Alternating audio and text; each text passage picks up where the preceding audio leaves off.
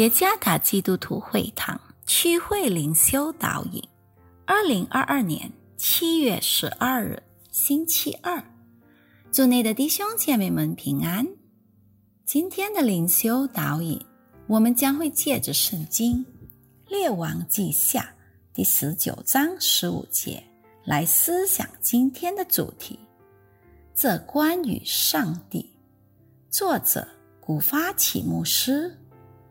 列王记下十九章第十五节，西西家向耶和华祷告说：“坐在二基路伯上，耶和华以色列的神啊，你是天下万国的神，你曾创造天地。”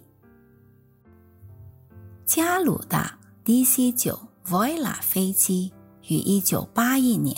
三月二十八日，在巨港过境期间被劫持。那架飞机随后被转移到泰国曼谷的朗曼机场。特警突击队在几天内就被派去执行解救人质的行动。该小组成功的执行了任务，故此。人质也或是。为什么政府要干预以释放被扣为人质的银行乘客呢？因为它关系到国家的荣誉。当犹大的城市被亚述王占领时，恐惧侵袭着在西西加王统治下的人民。亚述王随后派使者向居住在耶路撒冷城墙内的人民传递恐怖的话语。那个民族真的受到威胁。再过不久，犹大王国将会灭亡。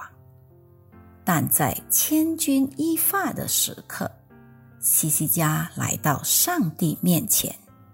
他向上帝敞开心扉。对西西家来说，亚述使者的话和后来的信都是对上帝的亵渎。西西家现在关键的问题不是对他们安全的威胁，而是当上帝的名受到侮辱时。第四和第十六节。这关系到上帝的荣耀。西西家仍然信靠上帝，上帝就是以色列的上帝。他与用木头和石头造成的外邦神不同，很容易被灭绝以及被毁坏。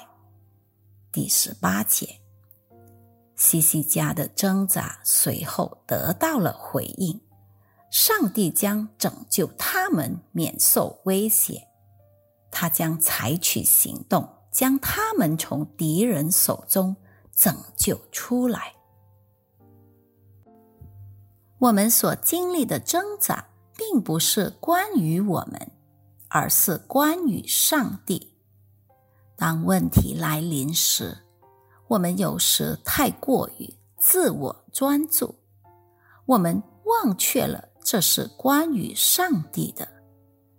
我们在生活的困境中还会信靠上帝吗？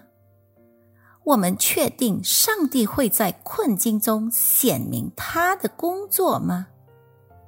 我们确实他在我们生活的困难中得着荣耀吗？别在苦难和逆境中专注于自己。